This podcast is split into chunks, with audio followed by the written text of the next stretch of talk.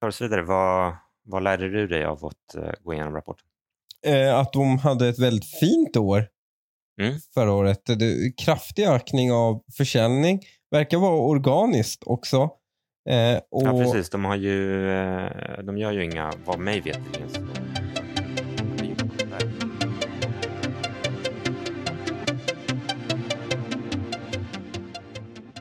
Ja, vad händer i ditt liv? Har du skrivit någon spännande debattartikel? Ja, jag skrev ju en om eh, Iran som blev en jävla banger. Vad handlade den om? Eh, det med alla de här koranbränningarna och varför det är bara shia-muslimer som är arga på oss. Mhm. Och det är för att eh, Hamid Nouri blev gripen 2019 på Arlanda efter att de honeypodded him. Ehm, och eh, fick honom komma till Sverige för att han skulle träffa en brud. Okej. Och då greps han för eh, så här, brott mot mänskligheten, så här, mo- brott mot folkrätten eller något sånt. Mhm. Eh, och då är hans delaktighet i så här, avrättningen av 30 000 oppositionella i Iran. In Stockholm, a trial of an Iranian man accused of war crimes during the Iran Iraq War in the 1980s began on Tuesday. According to Swedish prosecutors, Hamid Nouri worked as an assistant to the deputy prosecutor in a prison outside the Iranian city of Karaj. There, he allegedly took part in the mass execution of political prisoners.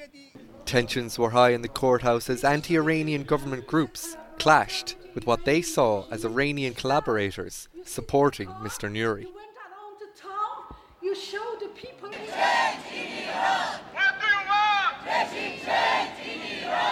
The court will hear from dozens of witnesses over the next three days, and a verdict is expected in April 2022. Han blev dömd 2022, sommaren 2022. Och efter det har ju Iran bara letat efter någonting och, och har ju kidna- Iran har ju liksom kidnappat svenska medborgare och grejer. Sen med koranbränningarna så var det så här, samma dag som han brände koranen så var liksom de tre största shiitiska ledarna i världen ute och fördömde det här, synkront. Har Iran kidnappat svenska medborgare Ja. och släppt dem? Eller? Nej, de verkar vara i fångenskap fortfarande. Nej, Iran har rullande typ 7-8 svenska medborgare kidnappade konstant. Okej. Men då åker vi, våra typ statsminister dit och besöker dem. Och så här, äh, försöker, och Wallenberg ska sälja Scania-lastbilar till dem. Liksom. USA har haft yttrandefrihet i över 300 år, men eh, ingen har klagat där. Helt, helt plötsligt från ingenstans så är det jätteproblematiskt med Ja, du kan, du kan liksom, där är det ju inte bara att du får bränna koraner. Alltså där, där har de ju inte den här begränsningen på hakkors och grejer som finns i Mm. Europa. Utan det är liksom, i, i, ingen av de här länderna har problem med USA. Tvärtom, de har så amerikanska trupper stationerade i sina länder och allting. Liksom. Men visst är det så att i, jag tror i alltså spelet Wolfenstein som är i Tyskland så får de inte ha hakkors i den tyska versionen. Exakt. Men, De, de har ju liksom, om du väljer att spela den tyska versionen så är det Ja. liksom, är alla skådespelarna utbytta, namnen utbytta, eh, hakkorsen utbytta, allt utbytt. Liksom. Jag brukar alltid tänka på att eh, Machine Games som gör de där nya spelen, att det finns någon 3D artist där som har specialiserat sig på att göra svastikas. Hela dagen, det enda han gör. Men eh, det, det roliga är att i lagen finns det undantag för så här konstnärliga verk Okej, i Tyskland. okej. Men jag antar att Machine Gun Games inte känner för att eh, behöva dra det till domstol liksom, och, och här, skapa preju- prejudikat. Ja, Eh, även om det finns lite. Men man vill ju inte vara edgy man nej. har ett stort spel på, på G. Även om de säljer ju, väldigt, de säljer ju på att göra nazi. Liksom. Det, det var ju det som var ganska shocking med Wolfenstein. Ja. Förmodligen första, men också särskilt Machine Gun Games reboot. är ju att det är väldigt mycket Man, nazi. träff, man träffar ju Hitler. Ja, exakt. Det är ju sällan man får göra det i spel. Undrar om man skulle, skulle, man få, ha, skulle man kunna få bränna Koran i ett sp- dataspel? Skulle det vara okej? Paludan simulator. Det finns ju så här fatwor på vad du ska göra med en koran när den är sliten. Eller här, Okej. när du inte vill ha den längre. Då ska du liksom antingen begrava den eller bränna den. Har, du någon, eh, har någon take på alien-invasionen då? Eh, Vilken av dem åsyftar är den med i senaten nu som, eh, som alla yrar om? De här, att amerikanska senaten känner att de har för lite att göra så nu ska de jaga aliens. Liksom. Ja, den är, det är väldigt eh, oklart. Mycket uppmärksamhet fortfarande utan eh, någonting konkret. Men jag satt och Ja. tänkte på, undra om, vi brukar ju prata om så här, vad kommer att vara nästa investeringsförråd-tema. Men det var så här, eh, vi, vi, gör oss, vi, vi gör oss redo för, för aliens på något sätt, att det är en investeringstema. Ja, men så här, alien docking ports. Ja, exakt. Ifall det är sant så, har vi, så är vi först med... Någon, någon har ju säkert inom krypto-communityt gjort ett case för att det här kommer bli, om det finns aliens så kommer de använda just deras kryptovaluta. Det vore ju typ sjukt osannolikt att det inte finns liv i universum, sen om Mm. de kan ta, ta sig hit. Men jag tycker någonting som inte diskuterar så mycket, det är så här, om de kan ta sig hit, så är det oklart då vilken metod de använder, men säg att de åker i ljushastighet, då har de ju en helt annan tidsuppfattning än Mm. vad vi har. Så Mm. då kan ju liksom fem miljoner år kan vara som en sekund för dem. Mm. Eh, Så att det blir ju, ja. Men jag, jag blev eh, för första gången, vad ska man säga, igenkänd för den här podden häromdagen. Wow, grattis. jag var starstruck. Det var, faktiskt, eh, det var faktiskt ganska motiverande till att fortsätta med det. Det var, jag, eh, som man gör då, umgås med 15-åriga carspotters. Ja. Eh, och eh, men det var någon som, "Ah, är det inte du som gör podden med Hanif? Eh, han hade blivit tipsad av den av någon polare till honom som spenderade dagarna med att eh, klippa gräs och eh, lyssna på oss. Så att, eh, tack, för den, eh, tack för det tipset. Eh, och det är alltid kul att hö- höra att folk jobbar. Eh, all, alltid när man åker på så här bilevents så står Mm. det liksom 20 carspotters vid hörnet. Liksom. Mm. Och eh, jag skrev till någon kille, skrev jag typ så här, ja men ni står ju på samma ställe allihopa. Ni får ju samma footage. Ni får ju samma dåliga footage allihopa. Mm. Och du ska ändå lägga tiden på att vara där och hålla på och klippa och så vidare. Så du måste ju alltså, försöka göra någonting liksom unikt. Ja. Typ köpa en drönare eller eh, liksom gå fram och intervjua folk eller filma interiörer eller, eller någonting. Men Ja. eh, han eller hans polare hade, de hade funderat i de banorna i varje fall. Så det var kul att kunna Kul. påverka dem. Men jag tycker liksom, om man ska ändå lägga tiden, försöka göra något annorlunda. Ja, blir de duktiga på att klippa så behövs det ju alltid klippfolk i, i branschen. Så att säga. Men jag har tänkt på det li- lite med den värld vi lever i, apropå så här jobb och snacka cash, och vi ska snacka om att typ förr i tiden, kanske på säg 90-talet eller wherever, så var det lite så här, ja, jag vill bli eh, säg så här, jag vill bli journalist eller jag vill Mm. bli ditten och datten och då ska jag gå den här utbildningen och sen söka praktik där. Idag är det ju liksom, okej, om du vill bli bildjournalist, då är du. Alltså varför är du inte det? Förstår Ja. det finns liksom inget steg emellan att göra eller att vilja vara, utan det är så här, du måste. Det göra. svåra är ju att få know-howet på något sätt. Men det finns säkert någon YouTube-tutorial på hur man producerar sitt eget content och vad du måste ha och göra. Och... Nej, men nu, om, nu tror inte jag ens liksom det jobbet finns längre där du kan få lön för att vara bildjournalist. Men Mm. även om det fanns så skulle det vara så att om du har en Twitter eller du har Instagram eller en blogg som har noll läsare men du har skrivit 330 artiklar mot Mm. någon som har gått journalisthögskolan så kommer du alltid vinna i den competitionen. Mm, mm. Det är som, vill man bli poddare så är det bara podda. För övrigt tog den här killen upp en rolig grej. Han berättade han hade en EPA. Mm. Eh, och, eh, jag, känner du till EPA-lagstiftningen? Du som är politiker. Eh, lite ja. Eh, förut fanns det ju den här, eh, det är ju en ganska ny lagstiftning. För nu har man ju, nu har man ju bara 30 gräns på Mm. dem. Eh, så man, får mjuk, man kan mjukvaru eh, strypa dem till 30. Det fick man ju inte förr. Förr behöver du liksom renovera hela mm, växellådan. Okej. Så nu är de bara mjukvarustrypta. Det är därför vi har så mycket olyckor nu för tiden. För att eh, Förut hade folk trimmade liksom EPA-bilar. Men nu eh, är det mycket lättare för det är bara, det är bara in med en OBD11, in, stoppa in det i datorn och, eh, i bilen och ta bort eh, mjukvarulåset. Och sen kan du men, köra men det, men det berättar ändå att man får ju inte ha lastutrymme eller passagerare. utrymme, eller eh, baksäte. Nej, du får inte ha baksäte. Så du måste svetsa igen om du har en bil med lastutrymme. ja. Och en annan sjuk grej jag berättade att det var, om jag minns rätt nu, så sa han att om du, det var något så här, om du har framhjulsdrift eller vad fan det var, då måste du ha en viss viktfördelning. Mm.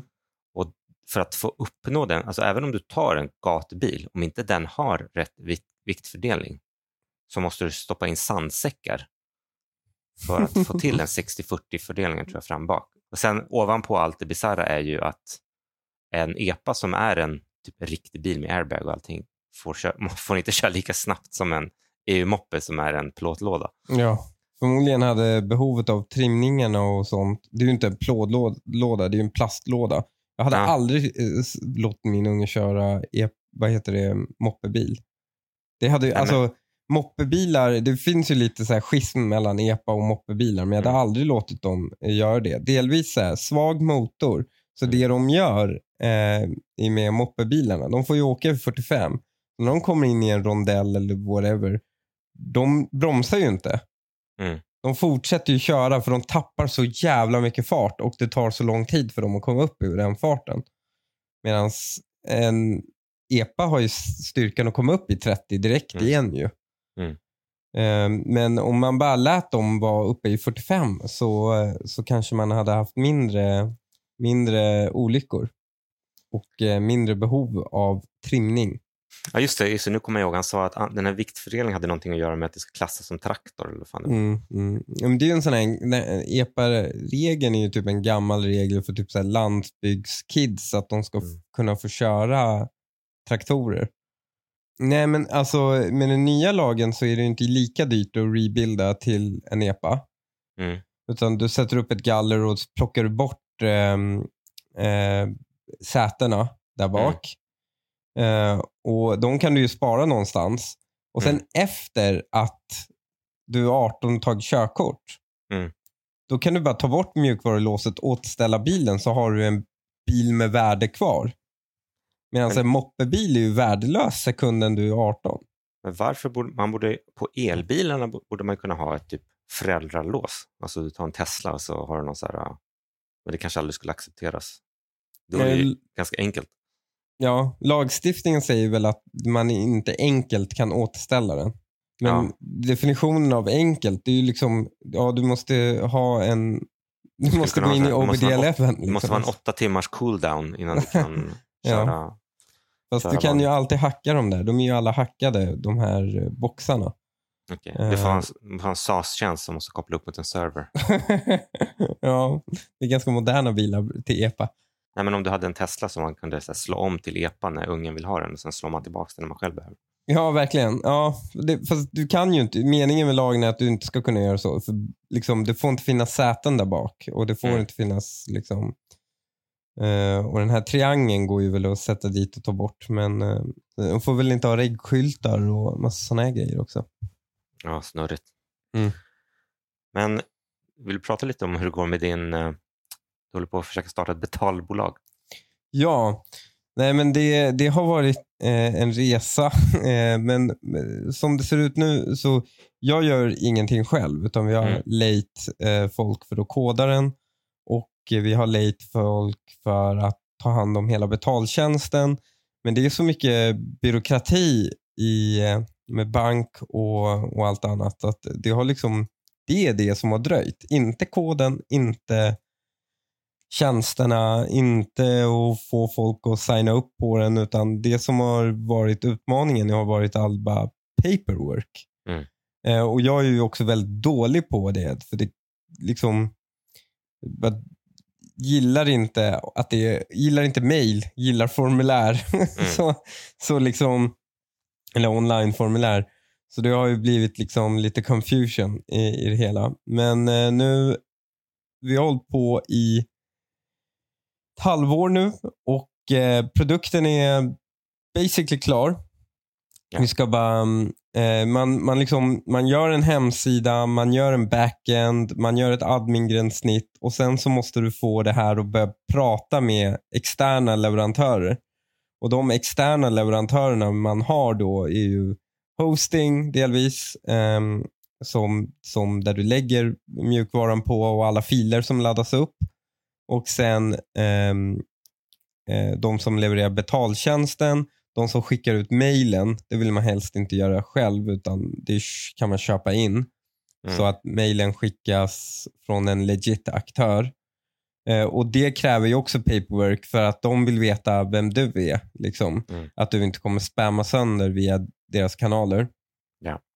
Eh, men där är också ett problem för att, för att bevisa till dem att, att din tjänst är legit så måste du liksom skicka en länk till tjänsten. Och jag är Mm. så här, jag kan inte ladda upp den förrän jag kan inte gå live förrän ni OKar att jag får använda er plattform. Liksom. Ehm, så man hamnar i såna här konstiga mittemellan-grejer som man får mejla och, och be och böna om att få eh, dra upp, lägga upp filer. Men det är, alltså, eh, jag vill minnas att eh, jag har gjort sånt där förut. Alltså, jag gjorde det 2006 kanske. Och Det var lättare på den tiden. Alltså, Mm. Vissa saker är ju enklare nu, nämligen eh, tekniken. Ja. Det är bara så här, det finns mycket kod där ute, det finns mycket moduler där ute du kan återanvända. Eh, allting funkar mycket smidigare tekniskt. Men det som har varit bökigt nu är ju, är ju bara all teknik har... Det känns som att techbranschen har anställt massa byråkrater som måste ha massa jobb. Mm. Eh, och därmed hittat liksom uppgifter för dem att göra. Alltså, det, stör, alltså det, är aldrig, det känns som att det är aldrig någon som utvärderar eh, alltså, allt från AML till eh, cookie policies. Liksom. Ja. Fick det önskad effekt eller kanske ska vi rulla tillbaka det? Men det finns ju ingen... Det, finns ju, det var ungefär som Mattel ville att eh, det skulle bli mer reglering på Ja. att göra leksaker. Liksom, det finns ingen lobby. Storbankerna är ju inte emot eh, det här för då vet, det är ju bara ännu svårare för någon annan. Och Konkurrera. in. Ja. de kan alltid tvätta pengar i sina kanaler ändå för det är, liksom, det är typ, ja, som sagt som vi pratade om förra gången så är det ju lite liksom, det är oftast de som gör det i, i volym. Eh, så att, eh, nej, det, och ja, även så här cookie policy, liksom, okej, b- borde vi kanske ta bort det eftersom all, liksom, jag vet inte ens, så här, oftast vet jag inte, oftast, man, oftast ibland trycker jag så här, nej, men så här, "Hän- är det verkligen någon skillnad? Det är ens oklart om. Den- eh, den- den är, st- alltså också att man har bara förstört internet. Ja, Alltså. Det, internet är 70% sämre på grund av en enda lagstiftning. Ja. Det, är liksom, det går inte. Också så här, folk- bakar in så smidiga funktioner i typ din mobiltelefon. Att du kan bara hålla i länken för att previewa vad det är. Men Mm. när du gör det så öppnas ju ett nytt inkognito-fönster de facto. Mm. Och då är det så här, nej men 90% av skärmen är någon jävla cookie reminder. Alltså en av dem, när vi skulle sälja eh, Quixel till Epic Games så var en av Mm. de liksom jobbigast, en, en riktigt jobbig klausul i slutet. Det var eh, kring GDPR. För eh, då är det typ så här, eh, de vill liksom, ja, men om ni har haft en, eh, om ni har, om det, om ni har haft liksom något fel innan vi köpte er, Mm. då ska ni bli liksom återbetalningsskyldiga. Oj. Men då är det liksom så som straffsumman räknas ut så är det liksom på, på, på deras omsättning. Oj. Så då är liksom, teorin är så här, ah, oj, vi hade en data breach som vi inte kände till. Mm. De får reda på det i efterhand. De får en bot 5% av sin omsättning. Så du är liksom fucked for life. Liksom. Och, eh, det är 5% av Epic Games Ja, men- omsättning. det var, för det var ett Alla fall där, Fortnite. det finns ett fall, eh, det finns ett fall, eh, jag ska kolla upp det, där, jag tror det var Marriott som köpte en annan hotell Mm. De och, då, och den hotellkedjan hade en data breach och det var på hela koncernens omsättning som, eh, som de fick bot. Liksom. This past week, Marriott International, the largest hotel chain in the world, felt the strong headwind of the GDPR after being fined by the ICO for $123.6 million, following a data breach of personal data from roughly 339 million guests. The ICO's investigation found that the Marriott failed to undertake sufficient due diligence when it bought the Starwood Hotel, and it should have taken more steps to secure its systems. Nej, men nu har vi ju enats om att internet suger. Liksom, Att det ska suga för evigt. Jag ser fram emot den dagen då liksom internet blir förstört av AIs. Mm. Så att eh, man gör ett nytt internet som är här helt separerat från det. Och Det sen, är ju, så hand, det är delvis det. handlingen i Cyberpunk 2077. Exakt. Jag har ju köpt, ehm, köpte Playstation. Ja. Jag, berättade, jag sa Xbox förra avsnittet. Jag vet Mm. inte varför, men jag Mhm. köpte ju en Playstation. Okej. och signade upp på en sån här Playstation Premium Mm. ehm, där man kan ladda ner spel. Eh, ganska bra bibliotek med Playstation 4-spel. typ. Så. Men eh, jag ehm, började spela Cyberpunk. okej. Jag har liksom sparat det tills jag skulle köpa en gamingdator. Men jag fick aldrig tummen ur att köpa en gamingdator. Och så, köp, så tvingade frugan på mig en Playstation för hon ville spela Hogwarts Legacy. Och eh, provade jag Cyberpunk. Det var väldigt kul faktiskt. Nu känner jag att jag har flera års gaming att ta ikapp. liksom, trots sina brister så det är ett av mina favoritspel och det är så jävla ballt. Det är också så här, äh, när du står, om du står på en kulle på ena sidan stan och så kollar du liksom, typ så här, du ser inte ens andra sidan. Mm. Och så kan du liksom gå till varenda ställe på hela kartan. Mm. Alltså ens den tanken när man satt och spelade June 2 liksom, på 90-talet är, det är så jävla sjukt. Och, Jag, jag spelar ju Assassin's Creed nu. eh, mhm, Och den var ju en av de tidiga riktiga open Mm. world-spelen till konsol tror jag. Alltså, Det fanns ju Morrowind och hela Elder Mm. Scrolls-serien var ju duktiga på det. Men eh, den här, här hände det mycket. Det var mycket människor ute på gatorna. Det var, liksom, det var en helt annat drag i det spelet. Mm. Ehm, och det bara slår mig hur jävla långt... Alltså jag sitter och spelar ett PS3-spel på min PS5, men bara, och, och spelar och bara, jag tycker det här är bra. Jag tycker Mm. fortfarande att den här håller, den här produkten. berättade jag om min Cyberpunk eh, sexscens incident, eller inte incident, eller hände eller någonting, men det finns en, den, den är ganska explicita erotiska scener. Ja, Även om du har spelat någon av dem. nej. Eh, Jag, jag, har inte, jag har inte kommit så långt i Cyberpunk. Okej, det finns liksom ja, men någon scen som är liksom väldigt explicit. Och jag tycker, jag, jag, eh, eftersom liksom, som databransch konnässör så tyckte jag att det var, så här, okay, men det var verkligen intressant att de tog ut svängarna så mycket. Och, eh, Det var på- intressant också att man kunde välja storlek på sin penis. Ja, men också beroende på om du spelar tjej eller kille så är det en lesbisk scen eller inte. Och så. Mm, mm. Eh, men så eh, jag recordade scenen eh, med, eh, jag ville lägga ut den på Twitter typ, som en Mm. kul grej, så jag recordade scenen från min dator. Och eh, liksom ljudet är väldigt så här, ja, men, oh touch me there, oh, touch me. Mm. Och eh, jag glömde bort, liksom, den låg på min mobil. mobil. Någon gång så, liksom, typ ett, ett år senare så, så är vi hela familjen i, i, sover och min dotter tar min mobil och vill kolla på bilder Mm. och liksom börjar spela upp det där klippet. Och det låter så här, jag, bara, eller så först bara, vad fan är det som, fan är det som låter? Eller liksom, vad fan kommer det? Så jag bara grabbade telefonen och bara stäng, stäng, stängde av. Jag bara så här, jag bara, nej. Eller liksom, ursäkta, men det var ett dataspel. Det skulle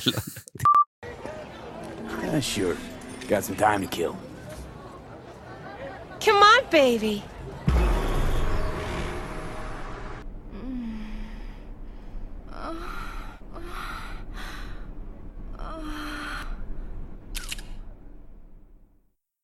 Det var, det var, jag hade en liknande incident nu när vi spelade Assassin's Creed. Så satte sig tjejerna, tvillingarna bredvid mig Mm. och bara började spela. Och jag bara, "Ah, det här är tillräckligt PG för dem, Mm. tänker jag. Ehm, när jag springer runt och samlar fjädrar. Eller, liksom, jag behöver inte göra alla de Mm. grövsta morden när de tittar på. Liksom. Mm. Och sen ehm, så bara mitt så var det en quest och det, du ska till en bordell. Mm. Och när du kommer dit så är det en bordellmamma och massa tjejer. Och det första de reagerar på då, eh, tjejerna är så här, åh, man kan visst vara tjej i det här spelet. Eh, och sen bara, vad gör de? liksom, varför har de sådana kläder? Så bara, ah, det det, vi stänger av det här spelet. nu går vi ut. historiskt korrekt. ja.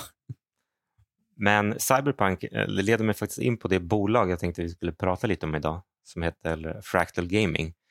Eh, för på senaste eh, eh, det, bolagsrapporten så eh, vdn han refererade som så här, eller först ska jag säga Fractal Gaming gör datorchassin. Mm. Det är inte bara, de gör lite mer fläktar, Eh, och PSUer, alltså Power Supply Units, är de som levererar el till datorerna. Men Ja. Chassirelaterat. Fr- Fractal Gaming, eh, ganska litet bolag, eh, noterat i, i Stockholm, noterade sig eh, 2021 och eh, De har ju varit med i gamet ganska länge. ja, jag tror att de har, var, oj, så då, cirka 5 000 ägare på Avanza, eh, varit med ganska länge, noterade sig lite i liksom den här håsen 2021. Hade riktigt intressant styrelse. Jag vet bland annat att eh, han, killen från EA eh, satt i styrelsen. Eh, han som startade Embark. Eh, som, eh, jag tror 20, 2018 var han den högst avlönade person, eller den som, person som betalade mest skatt i hela Sverige. Oj. Eh, jag tror att det var något, just det, Patrik Söderlund, jag tror det var något optionsprogram för EA, för, ja, det var han som typ skapade, eller var med och skapade Battlefield. Det är också största sveket av EA. Att de sitter och utvecklar Battlefield här i Sverige och de har inte en enda Stockholmbana. Ja, det är faktiskt dags för det. Kanske Ja. nästa, måste ju komma på någon ny. Ja, men det har ju funnits tusen tillfällen att ha en Stockholmbana. Men blir det, det är nästa Battlefield 2022, korankravallerna. ja, det är bara Men- miljonprogram. Men kopplingen till Cyberpunk i varje fall, det var att eh, han fick, eh, för att prata om så att det ser positivt ut för bolaget, så sa han att andelen spelare på Steam har, nått- har nått ett nytt rekord. Mm. Och då fick han frågan, om en, är det verkligen, liksom, ser ni verkligen någon koppling mellan spelreleaser och er försäljning? Och då sa han... Är du dum i eh, huvudet? Det är och- självklart. Ja, Ja. fast han, han- han sa så här, ja fast mest när det är riktigt krävande, hårdvarukrävande spel och så Mm. tog han Cy- Cyberpunk som exempel. Do you see any material effect for your business when there are more, let's say, AAA releases in a quarter or no similar effects? Yeah, for sure. No, it's always an important driver for for gaming hardware upgrades. Um, it's not 100% correlated, but but there are certain correlation to a strong game release roadmap to um, the interest of upgrading your PCs. Um, it depends a little bit on the type of titles as well. If there are more performance demanding titles, like for example, I think it was two years ago now that the Cyberpunk 2077 release, which was extremely performance hungry game, um, that drove a lot of upgrades. But yes, there is some correlation to uh, um, to game releases and in general gaming activity and a need for upgrades in particular. Ja, eh, anledningen till varför jag aldrig började spela Cyberpunk var för att jag var tvungen att köpa en ny dator för att spela Cyberpunk. Ja, men de, om jag minns rätt var de tvungna att dra tillbaka den från Playstation 4 för den klarade inte av att köra det.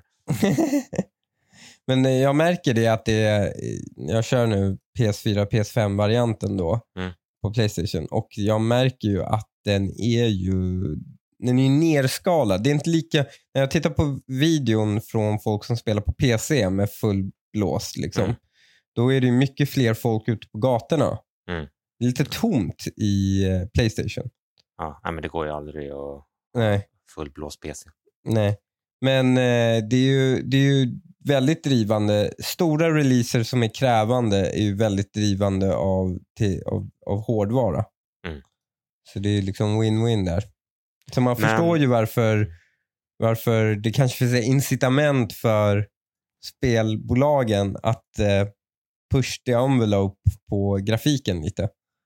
För det drar ju sales på andra ställen. Och då finns det ju sådana här samarbeten Nvidia gör och ATI gör med spelen och köper dem och bandlar dem med, eh, med grafikkorten.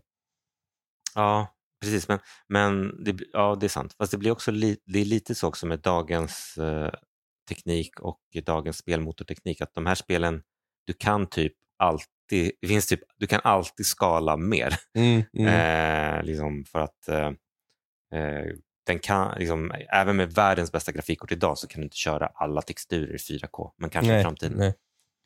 Men, eh, men vad är din eh, erfarenhet av eh, Fractal? Så jag är en lång och trogen kund. Eh, mitt, den här gamla datorn jag inte längre kan spela med, det är ju en Fractal eh, Define, tror jag det är, heter burken. Eh, f- Så det är svenskt. De var ju väldigt billiga och enkla i början. Eh, Så det var lite därför jag tog den. Den var liksom lagom modulärt, bra luftflöde, eh, kändes stabil och, eh, och basic. Och då tog jag Fractal. Eh, Men det är är ju, det, jag, eh, jag antar att, äh, har, har du en känsla för, är det oft, alltså de som köper, är det oftast folk som bygger själva eller säljer de också? Kan man köpa fractal-datorer fast liksom gjorda av, nej, det är ju folk som bygger själva. Det finns väl säkert någon PC build maker Mm. som gör dem. Men eh, de flesta sådana PCn är väl, det är väl om komplett.se eller Inet Mm. väljer Fractal som, eh, som leverantör. Men oftast är det ju de som bygger PCn och skeppar liksom mer internationellt. De, de kör nog egna förmodligen. Som Alienware eller eh, eh, och alla de här andra. De har ju sina egna burkar. Eh, jag tänkte vi kan gå igenom deras eh, kvartalsrapport. Mm. eh, Jag läste den. Jag har Och läst så- igenom den och jag förstod den första gången. Ja, exakt. Ja, men vad kul att höra. Det som jag brukar säga lite halvt på skoj men halvt på riktigt, det är faktiskt att börja läsa, att man ska börja läsa från sista sidan. Mhm. Det är delvis då för att man kan säga att det bolaget försöker dölja mest, det lägger de längst bak. Eh, och liksom det som alltid är längst fram är ju typ vd-ordet och det är ju liksom alltid kanske det mest positiva eh, utblicken. Och jag bara tänkte ta dig igenom här hur kanske jag brukar tänka ibland. Och det här är, Mm. det här är då tillbaks till eh, mer den fundamentala metoden, inte Omar Makram-metoden. Nej. Men om man till exempel kollar då sista sidan och vi kan väl lägga ut länken till de tittare som vill följa med i realtid. Men dels kan man då, liksom, vad har de för adress för kontoret? Det ger en känsla för, liksom, okej, de sitter i Västra Frölunda, i, de sitter inte på Stureplan. Det Nej. kan man tycka är positivt eller negativt. Jag tycker väl i det här fallet känns det positivt. Vad har de för financial advisor? Just det här är en liksom väldigt billig och eh, ibland kan det stå vilka jurister de har och så vidare. Så man får liksom en snabb uppfattning, lite känsla för bolaget, liksom, hur jobbar de? Och sen om du bläddrar upp till nästa sida, eh, Ja. då, har, då kommer oftast det här eh, definitions heter det, eller Mm. förklaring på vilka förkortningar de använder. Och jag tycker den listan kan vara intressant för att dels har du ju de klassiska definitionerna som omsättning eller net sales. Mm. Men det du brukar hitta här det är om det är någon definition som man inte är van vid att se, men den är med här, då, då kan det betyda att det här är någonting som är viktigt för det här bolaget, eh, som jag kanske borde tänka på. Och det man till exempel ser eh, är att de har en särskilt definierat valut, dollar, kronor, valutakursen. Ja, Om du har läst hela rapporten så kanske så de säljer mycket i eh, USA.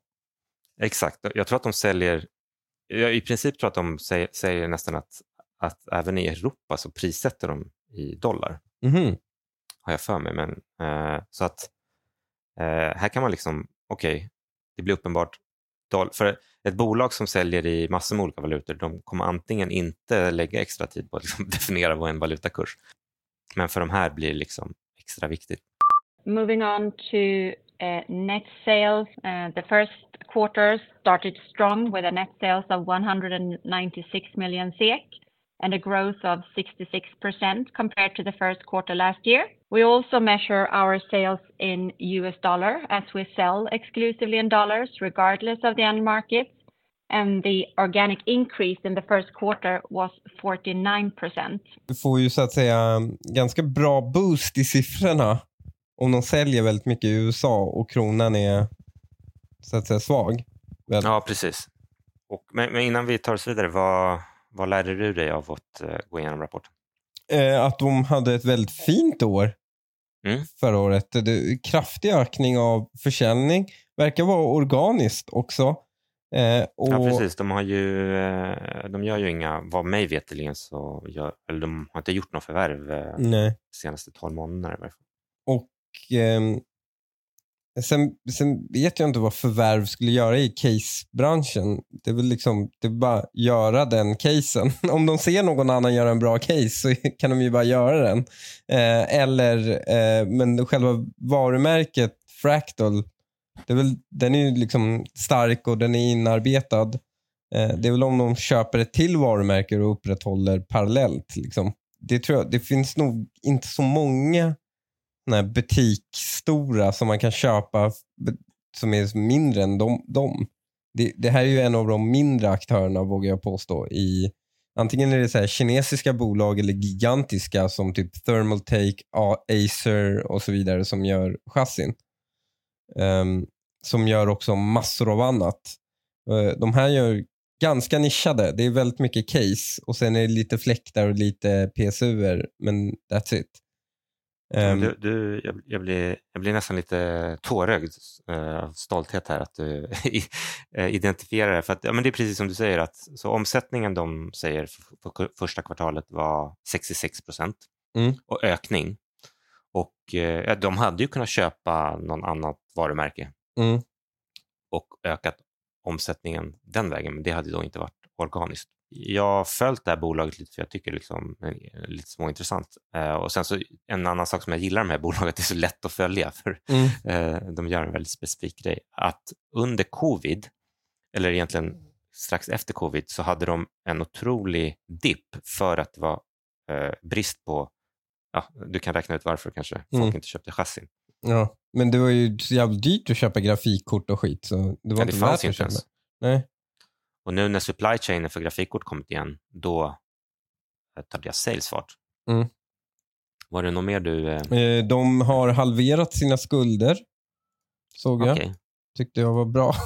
Ja, Ehm, de, eh, de hade väl ungefär 100 miljoner i, i räntebärande skulder och de är väl 50 nu tror jag. ja, Och sen ehm, eh, har de ökat då sin försäljning rejält. ja. Eh, och eh, det mesta, eh, största ökningen har de haft i EU. Mm. Eh, och, eh, men även andra länder som eh, ja, APAC, som de kallar Mm. det, går väldigt bra. Ehm, Och eh, hur var fördelningen ungefär bland regioner? Kommer du ihåg det? eh, ja, så det är hälften i EU och så är det 37 procent i USA, eller Americas säger de ju, så Mm. de amerikanska länderna. Och sen är det bara 13 procent i APAC. Och other. Och eh, läste du något om, liksom, jag tror att de, om jag minns rätt har de kommit ut med liksom, ny, nya serier och nya Ja, produkter. De har ju faktiskt, eh, det här har jag följt innan du valde att eh, plocka upp. eh, De har ju börjat experimentera med att ha en case med någonting annat än bara plast och stål. Mm. Och Som svenskt bolag så är man ju stolt, då kör de trä. Så de jag, tror, ju- jag tror du skulle säga hybridstål. ja, men det är väl en tidsfråga innan de Ja. hoppar på det tåget också Ja. och har grönt stål. Återvunnen plast från havet. Mm. Men eh, de, de, de har den här nya casen. De har två nya cases de, med, med trä och läder och lite sådana här saker. Um, och Jag såg några, jag har sett på recensioner av den. Och de får ganska mm, bra betyg. Uh, väldigt finurliga sätt de har löst många problem på. Uh, och är snygga. De här är tillräckligt snygga och tillräckligt lite du vet, gaming-gamiga. Att eh, man, en, en, en, en fru skulle tolerera dem, tror jag. Mm, mm. Ehm, så den här är deras ehm, eh, fractal, ehm, den här valnöts eh, varianten de har, eh, Fractal North som de kallar den. Den, är, den är, ligger uppe i en favorit just nu för mig om jag ska bygga en gaming-PC. Så, så, så är det Fractal North det förmodligen kommer bli. Då får du köpa aktien först och så känns det som att du köper av Från dig mig själv. Ja, det får jag. Men jag måste bli säga, jag blev eh, lite förvånad, imponerad över att det är ändå relativt ska säga, hög marginal i någonting som känns som en väldigt simpel, eller relativt simpel produkt. Liksom. Ja, på Eh, 40 procent hade de marginal exakt. ungefär. Och den har ökat lite för att de, an, ja men det var liksom ganska, det var pyttelite hade marginalen ökat. Mm. Eh, men det var ju, de ansåg att det var på grund av currency effects, eh, lägre fraktpriser och eh, eh, sånt. Det var Mm. främst de två anledningarna. Eh, men deras produktmix har ju ändrats också. De har ju börjat sälja lite fler grejer än bara cases och det har i sin tur haft mer negativ påverkan. Eh, Mm. För de grejerna är det inte lika bra marginal på än lådor. Our product margin is slightly higher year over year. Um, we had 40.4% compared with 40.2% last year, with a positive impact from lower shipping rates, but offset by a less favorable product mix. Och eh, en, annan, en annan sak som man gillar att se i ett bolag som man ibland inte ser, det är så här, eh, när omsättningen växer. Så vissa bolag så är det så här, omsättningen växer men okej, era kostnader växte också. Mm. Eh, så, kan det, så kan det ofta egentligen vara liksom, så här, softwarebolag där liksom tanken är att det ska vara precis tvärtom. Att, Mm. eh, Det bara skalar uppåt. men, men det blir inte så för att du, för att liksom, du måste skala din marketing och eh, R&D lika mycket. Mm. Eh, Men här är det betydligt mer så att för de har ökat omsättningen med 66 procent men ebit har ökat typ också då med 40 procent. Så de, de gick från att tjäna 7 miljoner till att tjäna 36 miljoner på ebit, alltså på ett kvartal Mm. eh, på en omsättning på drygt 200. Så jag, jag tycker det är väldigt eh, det, är, det är imponerande eh, att, eh, att det är så bra business att sälja chassis till entusiaster. Men de fick verkligen en hit med, tycker jag, Fractal North och Mm. eh, lite andra produkter de släppte ut som stickte. eh, Alltså det, det, det, är som, det är som, för att vinna i den här branschen Mm. så måste du bli liksom upplockad av YouTubers Mm. som rekommenderar dig. Och för att bli upplockad av YouTubers så är det inte bara att göra något snyggt som sticker ut. Mm. Tror jag. Eh, för det, det gäller också att göra någonting som de tycker är lätt att bygga med. Den är innovativ, den har bra luftflöde. Det är mycket R&D som behöver gå in i att göra en produkt än bara en plåtlåda. Um, medans, alltså, man har ju sett stora bolag som bara slängt ut Dell och sånt som har blivit liksom sågade. Typ Alienware var ju ett väldigt fint varumärke en gång i tiden. De är inte värt jack shit längre bara för att liksom, eh, Bara för att, bara för att utomjordingarna kommer och claimar. Exakt. Nej, men Dell har ju misshandlat det och Mm. gjort så här, dålig R&D, dåligt luftflöde, dålig... Eh, men men de, har hållit sig, de har hållit sig jävligt bra här och de har diversifierat sin portfölj i, tycker jag mig se, alltså delvis har det ju olika storlekar, men de har diversifierat i så här, eh, vill du ha en snygg, väldigt gamig burk? Vill du ha en stilren burk som du kan ha hemma som är wifi, har hög wifi acceptance factor? Vill du ha en liten snygg sån burk eller vill du ha helmesh, totalt luftflöde, eh, entusiastburk liksom? Och de har hela. Mm. Ehm, och Det är ett smart sätt tycker jag för dem att få eh, att eh, så fort någon har synpunkter på hur en case är så kan de ju alltid ha ett alternativ till den Mm. som eh, löser just det problemet man tycker med casen. Och det blir ju liksom så, det, så kompromissen behöver de inte göra utan det är kunden som behöver göra det. Nämligen vill jag ha en snygg eller vill jag ha en välfungerande eller vill jag ha maximal prestanda eller vill jag ha kompakt case med snygg färg. Liksom. Mm. Eh, Så det, men jag, jag är faktiskt, jag visste inte att de hade växt. Alltså sen jag, när jag köpte Fractal så var de ju praktiskt taget okända. De hade funnits ett år eh, och, och var ganska nya.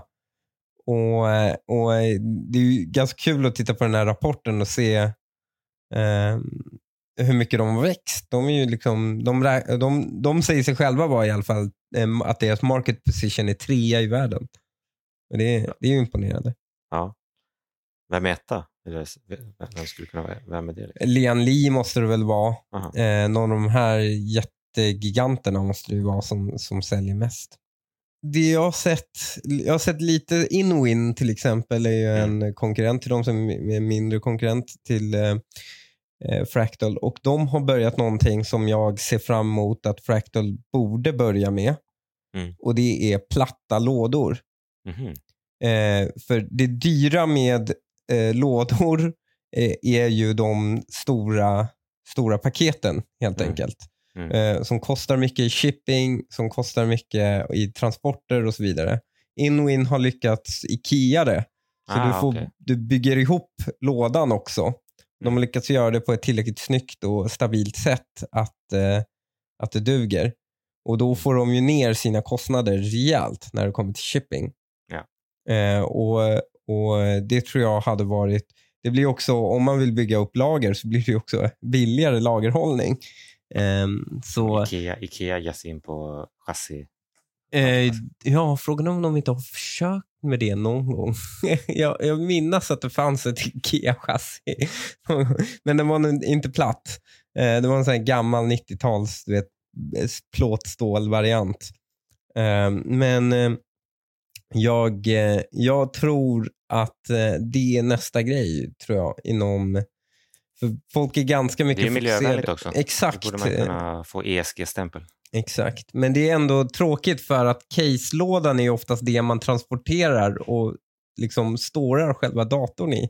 Mm. Ehm, och folk som till och med bygger datorer åt dig, Mm. eh, pro- proffsbolag, de skickar med eh, datorn i casets låda oftast Okej. eh, med vissa modifikationer. De, måste liksom, de fyller oftast upp hela, alla komponenter och sånt i datorn med skum eller något så att inget går sönder i shipping. Men eh, när det kommer till själva lådorna så tycker jag nej, det- är, det är dags för platta lådor. Mm. Och det är ju, De är i Sverige, de är i Göteborg. De borde kunna eh, hitta folk som är duktiga på att göra platt, fyrkantiga saker platta. Och eh, nästa steg då skulle, eller det slutliga steget, det är ju då om man ska eh, avgöra om den här aktien är bra eller dålig utifrån ett värderingsperspektiv. Mm.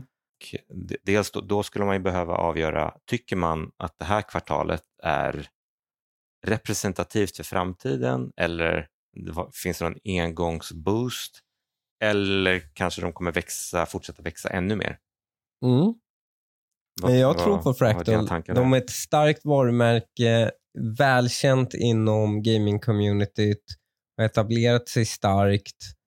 Eh, De har roliga nya produkter som är snygga och inte bara mycket gaming. du vet. De Mm. måste, eh, hela branschen måste lära sig att så här, RGB i all ära, men folk som köper dyra datorer nu för tiden och kan pynta 10-15 lök vad det kostar att köpa ett grafikkort. De är inte tonåringar längre. Och De har en fruga hemma och den måste smälta in. Eh, och då, Jag tycker Fractal gör helt rätt Mm. eh, i att eh, bredda designportföljen som de har gjort. Och, men då, och då ett, ett, liksom, ett enkelt sätt att angripa liksom, vad är rätt värde på aktiekursen egentligen. Eh, de har ju den här siffran som är earnings per share, Mm. alltså hur mycket vinst gjorde vi per aktie. Och just det här bolaget är den ganska användningsbar för liksom, det är så enkel business och man Mm. ser exakt vad de gör. Eh, och den är ju, den är ju, för det här kvartalet då var det 0, eller var det 90 öre, men låt oss säga en krona. Och då, om vi då skulle anta att det här var ett representativt kvartal, alltså inte ens anta tillväxt utan bara liksom, det här är det de kommer fortsätta med. Mm.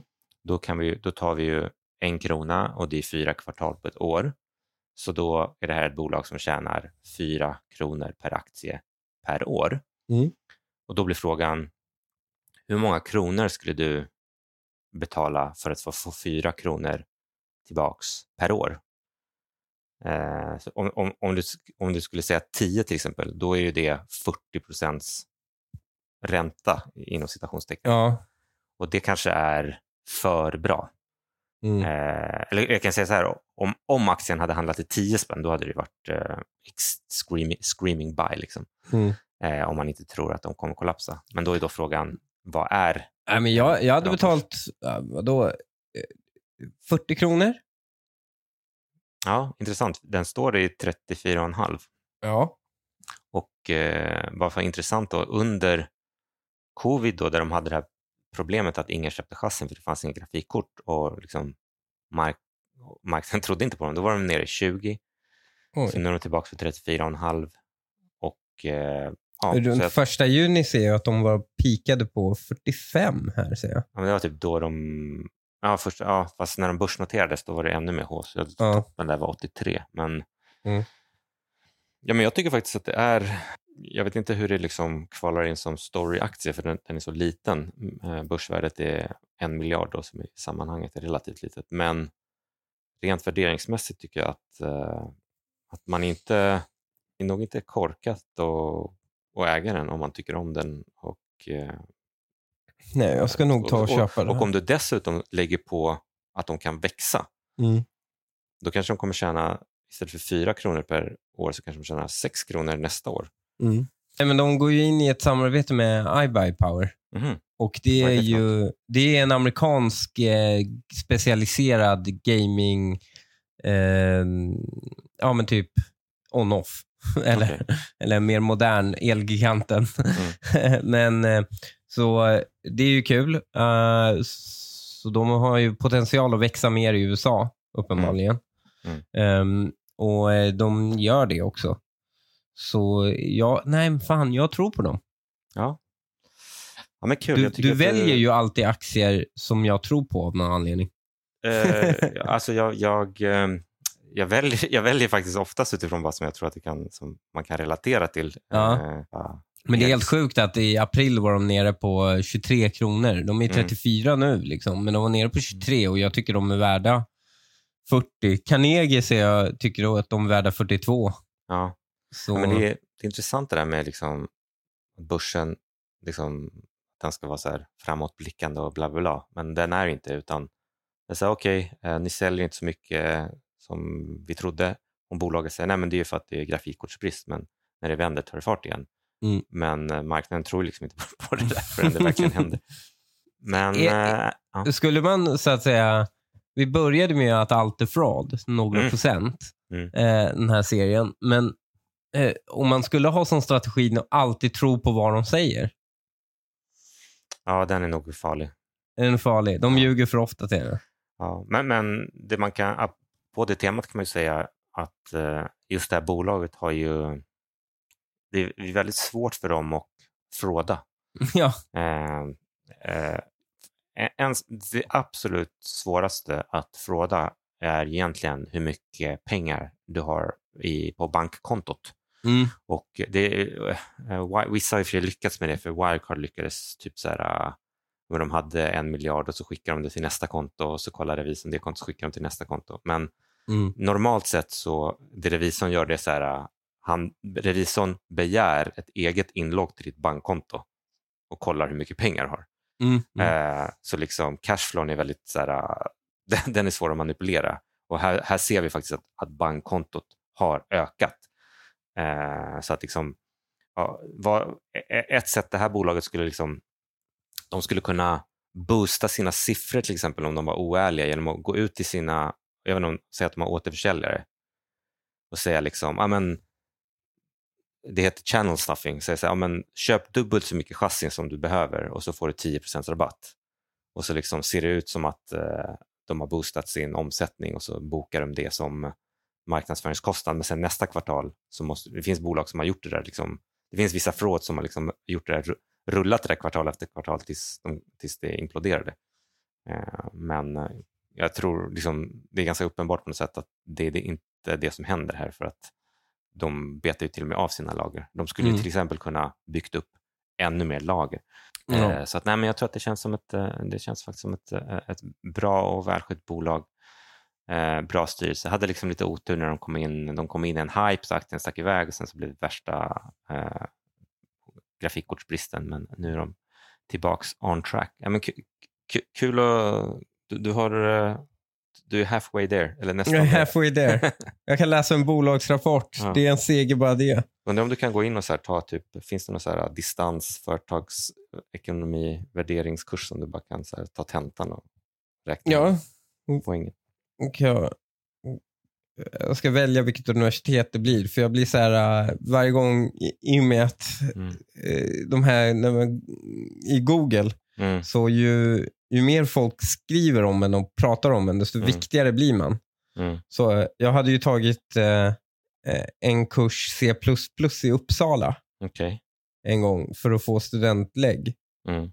Eh, så jag, för min tjej pluggade juridik där så jag skulle följa med på eh, nationerna. Mm. Och, och när man googlade Uppsala universitet ett tag så rankade Google deras tre främsta alumner Mm. var Carl von Linné, prin- prinsessan Victoria och sen var det jag. Alltså, vänta, vad, sa du? Vad, vad, du hade gått en kurs bara? ja, jag, hade, eh, jag, jag vet inte ens om jag gick färdigt den. Det var så här. C++-kurs, liksom, Mm. strökurs. Och då var jag den tredje viktigaste alumnen i Uppsala universitet i rankingen. Så nu ska jag välja vilken, på vilket universitet jag ska plugga den här, den här kursen. Så jag, Mhm. Så jag blir viktigaste alumn där också. Men det finns faktiskt eh, en podd som jag brukar lyssna på eh, om, om man gillar fraud som jag. Den heter Oh My Fraud.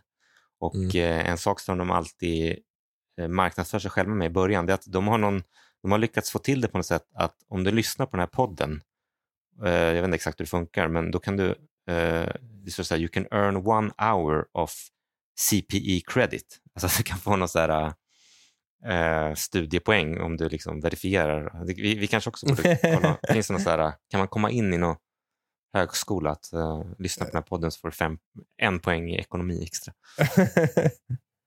ja. Från och med nu så är Snacka Cash studiematerial. Exakt, så får vi studiebidrag. Ja, men kul. Eh, bra. Eh, trevligt. Kul, som, kul för alla som lyssnar. Eh, speciellt ni som klipper gräsmattan. Mm-mm. Ha det bra. Nu, nu är det sista av värmen man ska njuta av. Det har inte varit så mycket med värme, men de har lovat efter den här stormen så kommer, kommer värmen komma tillbaka. Och det är sista chansen. Ja, det vore grymt. Så ut Bra. och köp värmen. Hej! Ha det bra. Hej.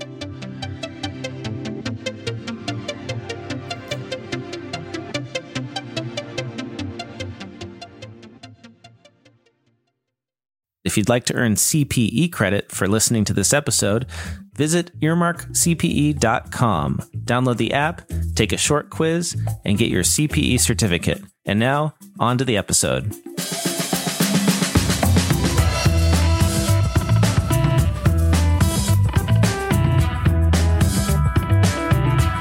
This is Oh My Fraud, a true crime podcast where we talk about